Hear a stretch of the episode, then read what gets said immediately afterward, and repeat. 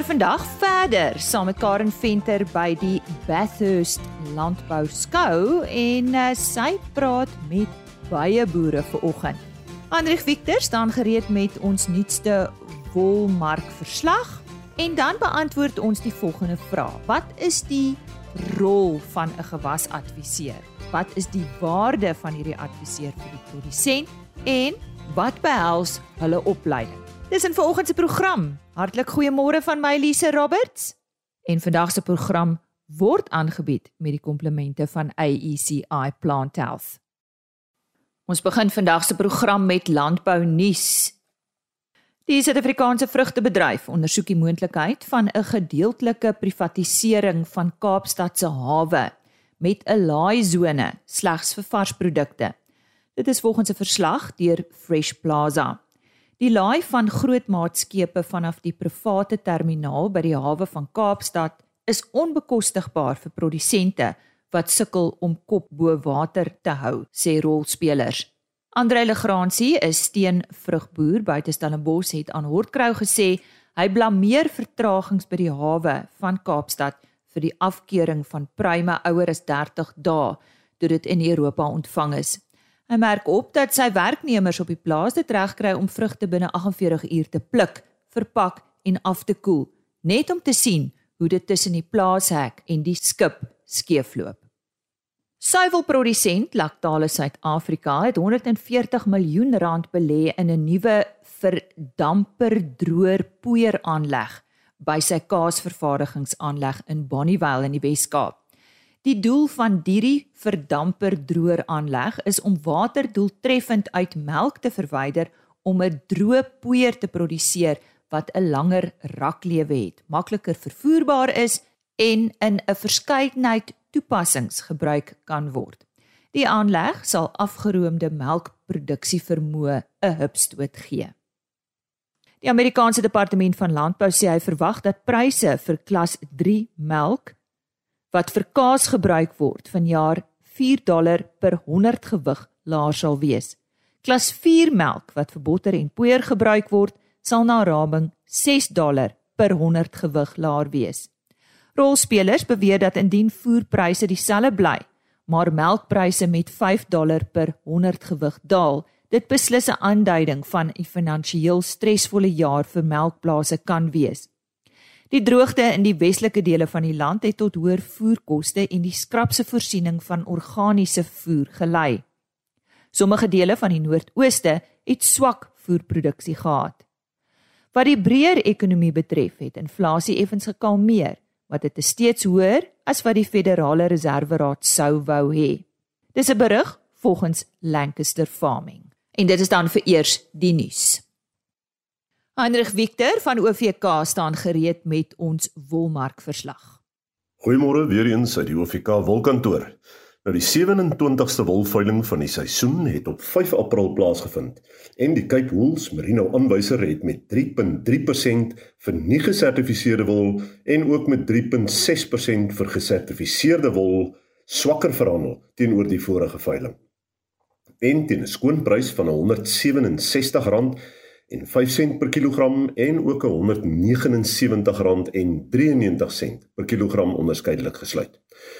Die Australiese EMI het ook swakker geneig en 1.4% swakker verhandel met 'n groot hoeveelheid onttrekkings voor die veiling. Ons kan miskien net weer eens noem die Australiese EMI staan vir the Eastern Market Indicator en dit is dan ook die mees toonaangewende aanwyser daar in Australië. Dis net vir kennisname. Die Suid-Afrikaanse mark het dus die Australiese marktendens gevolg met 'n sterker rand wat verdere druk toegepas het. 43.6% van die merino aanbieding het bestaan uit volhoubaar gesertifiseerde wol wat daarom gesorg het vir wesenlike premies, maar egter slegs in die fynere mikron kategorieë. Daar is in totaal 7730 bale aangebied na 'n onttrekking van 831 bale voor die veiling, waarvan so 93% verkoop is. Nou die grootste koper op hierdie veiling was Modiano SA, gevolg deur Standard Wool SA, Tianyu SA en dan BKB Pinnacle Fibers. As ons kyk na die gemiddelde skoonwolpryse vir die seleksie binne die verskillende mikron kategorieë goeie lang kamwol of MF5 tipes, uh dan sien ons dit was soos volg. En soos gewoonlik onderskei ons weer eens tussen nie gesertifiseer en gesertifiseerde wol. Kom ons kyk na 17.5 mikron. Nie gesertifiseer R227.63 per kilogram.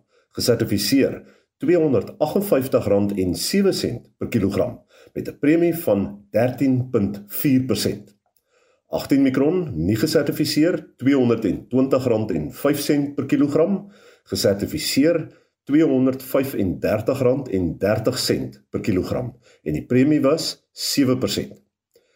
18.5 mikron nie gesertifiseer R209.57 per kilogram, gesertifiseer R219.57 per kilogram met 'n premie van 4.8%. En dan kyk ons na 19 mikron, nie gesertifiseer, R199.53 per kilogram, gesertifiseer R206.27 per kilogram en die premie daar was 3.4%. Dan kan ons laastens loer na 20 mikron Nie gesertifiseerde wol het verkoop vir R177.55 per kilogram terwyl gesertifiseerde wol 'n prys behaal het van R183.75 per kilogram met 'n premie daarvan 3.5%. Nou ja, dit is waarvoor ons tyd het hierdie week. Ons kan net vir u noem dat die volgende wolveiling geskeduleer is vir 19 April. Dus sal daar nie volgende week 'n wolveiling wees nie. Alles wat mooi is, tot ons weer gesels, mooi loop. Die stem daarvan Heinrich Victor met ons nuutste wolnuus en hy is van OVK. As jy nou eers ingeskakel het, goeiemôre. Jy luister na RSG Landbou. Baie welkom. Nou gaan kuier ons weer in die Oos-Kaap by die Bathurst Landbou Skou wat vanaf 30 Maart tot 2 April gehou is en vir die 113de keer. Ons sluit aan by Karen Venter.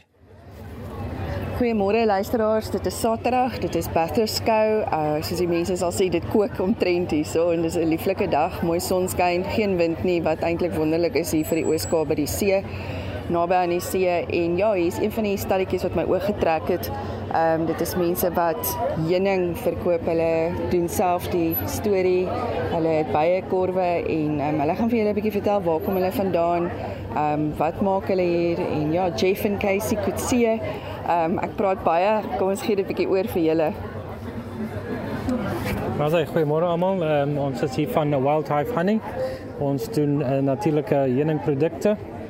Ons uh, het 'n paar korwe 160 op die oomblik. Ons het maar klein begin uh, met een korf en ons het so gegroei tot op uh, 160. Jeff, as ek jou gou in die rede kan val, waar is jy geleë? Um, ons is net buitekant uh, Port Elizabeth uh, by die Van Staden Gorge. Ons korwe is in die ehm um, Lurie Henkie Patensie en dan ook uh, die Baviaanskloof area. So uh, ja, is heel wat oor ons En met watse bye werk julle? Is dit trekswerms? Ek weet baie min van bye af. Ja, ons vang uh, trekswerms en ons doen ook splits en ons koop ook baie korwe van uh, verskillende uh, plaasboere af. Ons gebruik uh, twee verskillende tipe bye, die Cape Honeybee en ook die ehm um, Scutellata dryf my so 'n bietjie uit op daai ene. Ja, daar's daar's verskillende bye obviously. Daar is ehm uh, die Cape Honeybee wat die klein swart bytjie is en dan die skutellate wat meer geel honeybee is. Ehm um, daar is omtrent ek dink iets soos 150 verskillende uh, bye spesies, maar ons gebruik net daai twee in die Ooskaap. Jeff, jy het natuurlik baie fynbos in daai area. Ehm um, watse tipe uh hoe sou gaan? Uh, wat se tipe styfmeel uh maak julle bye bymekaar? Ja, ons het uh, die bye is meestal in die fynbos. Ehm um, hulle het ook obviously baie bome daarso, so ons uh, waar ons ons bye sit is in die uh, wildernis. Ons het baie heather, protea, aloe, ehm um, dan ook die akasia bome. Uh, die bye basies gaan haal die heuning en die nektar uit en dan ook die die die pollen en dan gebruik hulle dit basies om die heuning en die produkte mee te maak. Ja. Ja, luisteraars, die mense het gesê ek moet saam met hulle gaan heuning uithaal as ek nou weer daar verby ry. Ek gaan definitief 'n rede soek om daar verby te ry. Ek het jare laas toe ek nog 'n kind was, saam met my pa heuning op die plaas uitgehaal, so dit sal 'n lekker ervaring wees. Kaysie, kan jy 'n bietjie vir ons vertel wat se produkte het julle alles hier by Bathurst en maak julle dit self? Ehm um, ja. Yes. Ehm um, ek kan 'n bietjie Engels praat want my Afrikaans is so. So, we clean the beeswax in a solar melter, and that results in a beautiful yellow, fragrant wax.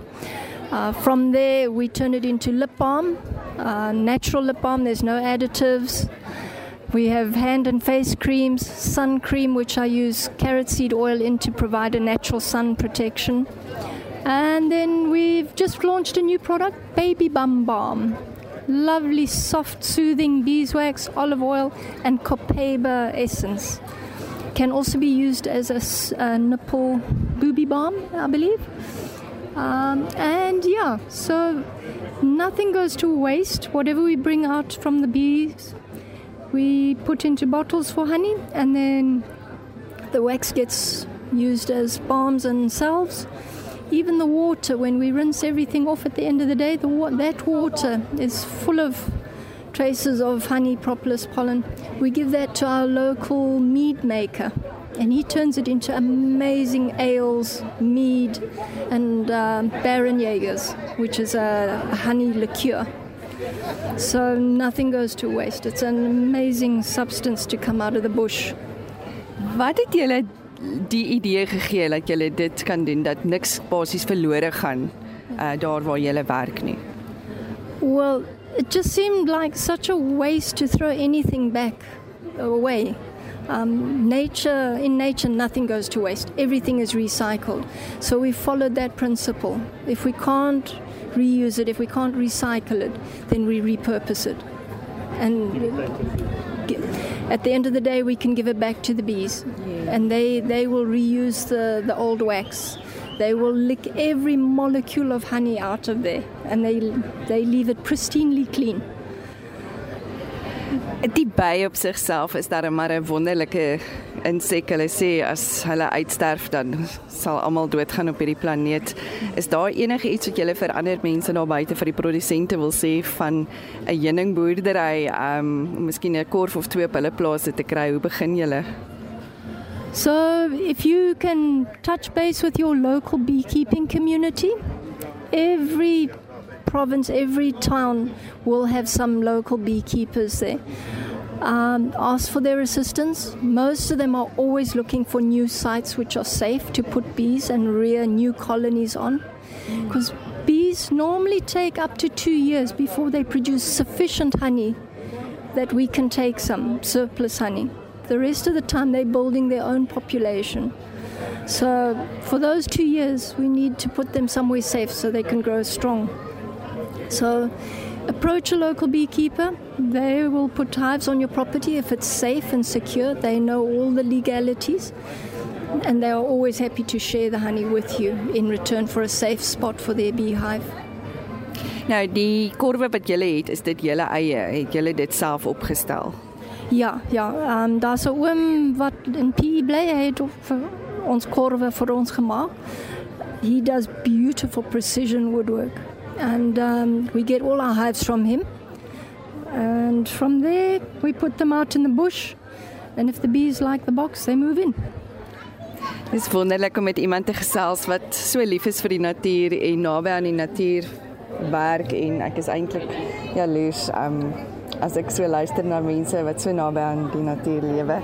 Hy sê baie dankie en as enige iemand 'n bietjie met julle wil gesels, waar kan hulle julle kontak? Uh, you can contact me online. There's a Facebook page, Wild Hive Honey, and I'll provide a number.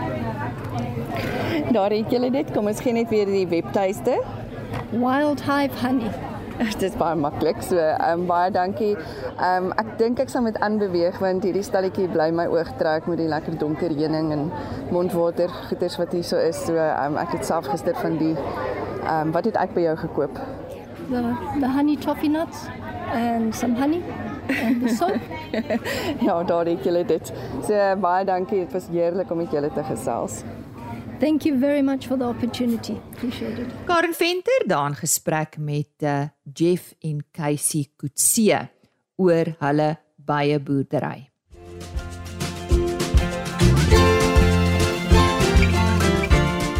Ons gesels vandag oor die rol van die gewasadviseur. Nou ek dink uh meeste van ons produsente indien nie almal wat een of ander gewas op hulle lande het, maak van 'n gewasadviseur gebruik.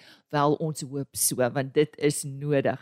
Ek praat met uh die nasionale verkoopsbestuurder van AECI Plant Health Hein Baantjies. Hein, ja, goeiemôre sê vir my, wat is die rol van die gewasadviseur? Môre Lise, ja, ag, dis lekker om julle te gesels vandag. Ek dink nie tyd dat ons beskikking gaan my heeltemal genoeg tyd gee om die luisteraars 'n volledige beskrywing van die funksies uh, van die gewasadviseur te gee nie. Maar kom ons kyk of ek uh, van die belangrikste funksies so vinnig uh, kan uitlig of dalk is mense dit anders kan sê so 'n bietjie van 'n opsomming vir hulle kan deurgee. Aangesien dit 'n beroep is wat met groot verantwoordelikheid uh, gepaard gaan, wil ek amper sê dat 'n gewasadviseur is die boer se gewasdokter. So belangrik is die funksies uh, wat hy verrig. Dit is in sy hande om seker te maak dat die boer die beste opbrengs kan kry en die hoogste kwaliteit uh, van sy gewas. En met ander woorde, soos wat ek genoem het, soos in die geval van 'n dokter, moet hy hoogs gekwalifiseerd wees en hy moet die regte dinge kan doen.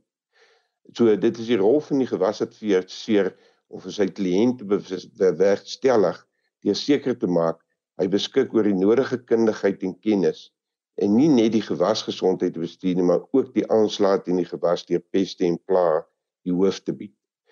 Hy doen dit natuurlik deur die regte diagnose te maak en deur toegang tot die regte hoë kwaliteit produkte te hê en dit dan aan te beveel indien nodig.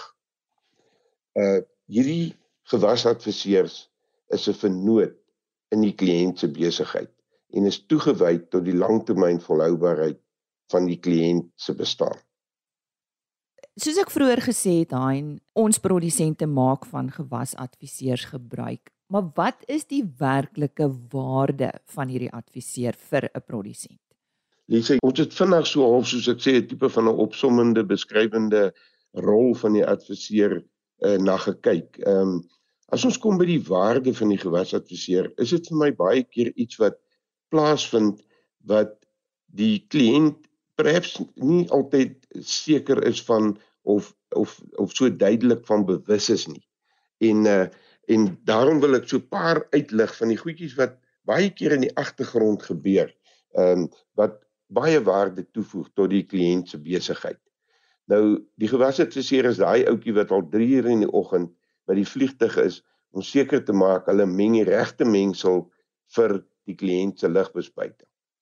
Hy is byvoorbeeld ook die ou wat deur jou lande en boorde loop om peste en plaae te identifiseer selfs wanneer die kliënte welverdiende blaaskansie neem met 'n vakansie by die see. So jy kan sien hy's heeltyd besig om om sy funksies te verrig daar buite. Hy's ook die een wat prysveranderings en marktendense dophou en jou help om die regte besluit te maak wanneer jy moet aankoop of wanneer nie. Wat vir jou besluit wat om te spuit, wanneer om te spuit, jou spuittoerusting kalibreer en dan nog sommer saam op die spuittrekker ook ry om seker te maak die produkte word korrek toegedien.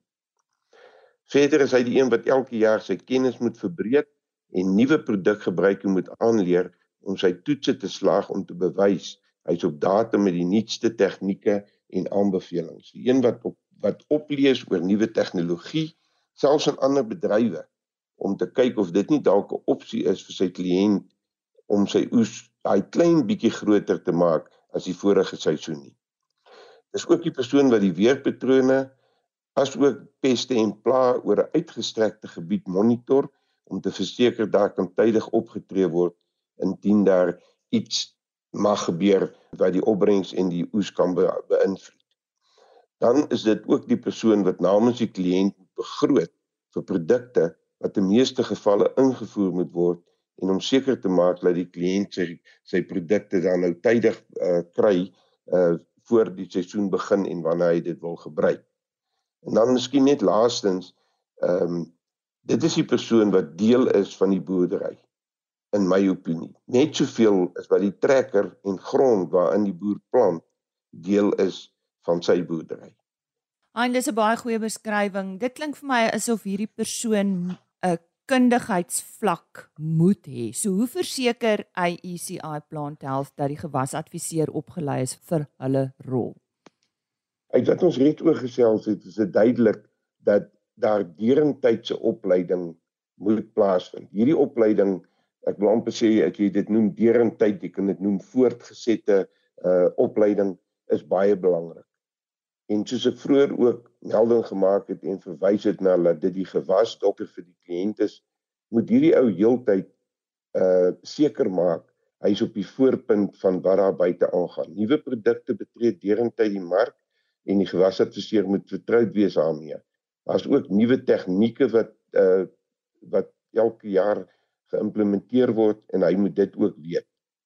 Ons leef ook in 'n tydperk waar tegnologie al groter rol begin speel op plaasvlak en moet die gewasadviseur ook hierin opgelei en daarmee vertroud wees. Alle verspreidingsmaatskappye uh het 'n uitgebreide opleidingsprogram wat meestal in die minder besige tye van die jaar uitgerol word. Dit dit wissel van produkopleiding uh tot gewasopleiding en dan soos ek genoem het ook 'n uh, nuwe tegnologie wat die mark betree. Verspreidingsmaatskappye soos AECI Plant Health en sy gewasadviseurs. Ons het heidaglik in die omtrek van omtrent 184 van hierdie gewasadviseurs landwyd en dan het ons ook 'n leerling gewasadviseurs program waarvan daar ongeveer 14 individue is wat in opleiding staan. Nou hierdie uh gewasadviseurs en die maatskappy is almal lede van CropLife Suid-Afrika wat 'n CPD 'n continuing professional development program, jammer vir die Engels daarso. Die Afrikaans word gebruik ons nie so algemeen nie. Uh staan vir voortgesette professionele ontwikkeling. Nou uh Croplou Suid-Afrika het so 'n program wat elke gewas, gewasadviseur jaarliks moet aan voldoen ten einde aanbevelings te mag doen en met gewasbeskermingsprodukte te mag handel dryf. Nou ek wil graag 'n beroep op op ons, ons produsente doen as ek dit so kan stel. Uh daar buite om seker te maak dat jy 'n gewas adviseur gebruik wat 'n gekwalifiseerde geakkrediteerde gewasadviseur van CropLife Suid-Afrika is.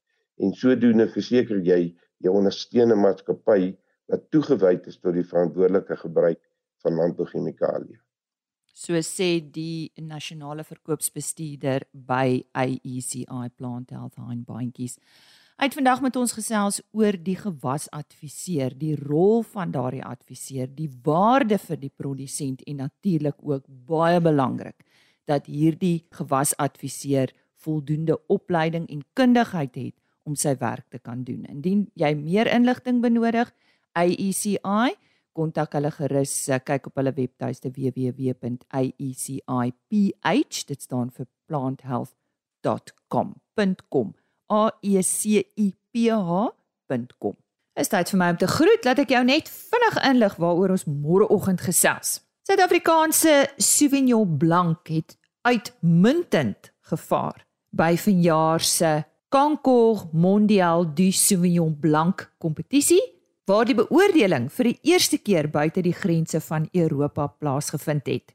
Ek gesels met die voorsitter van Sauvignon Blanc Suid-Afrika, RJ Botha, en dan met twee wynmakers wie se wyne uitgeblink het. Maar ek laat hierdie tot môreoggend. Ek gesels ook weer met AECI Plant Health se Deedrey Odendal oor grondbiologie. So, onthou om weer by ons aan te sluit. Geen landbou by plaasmedia.co.za.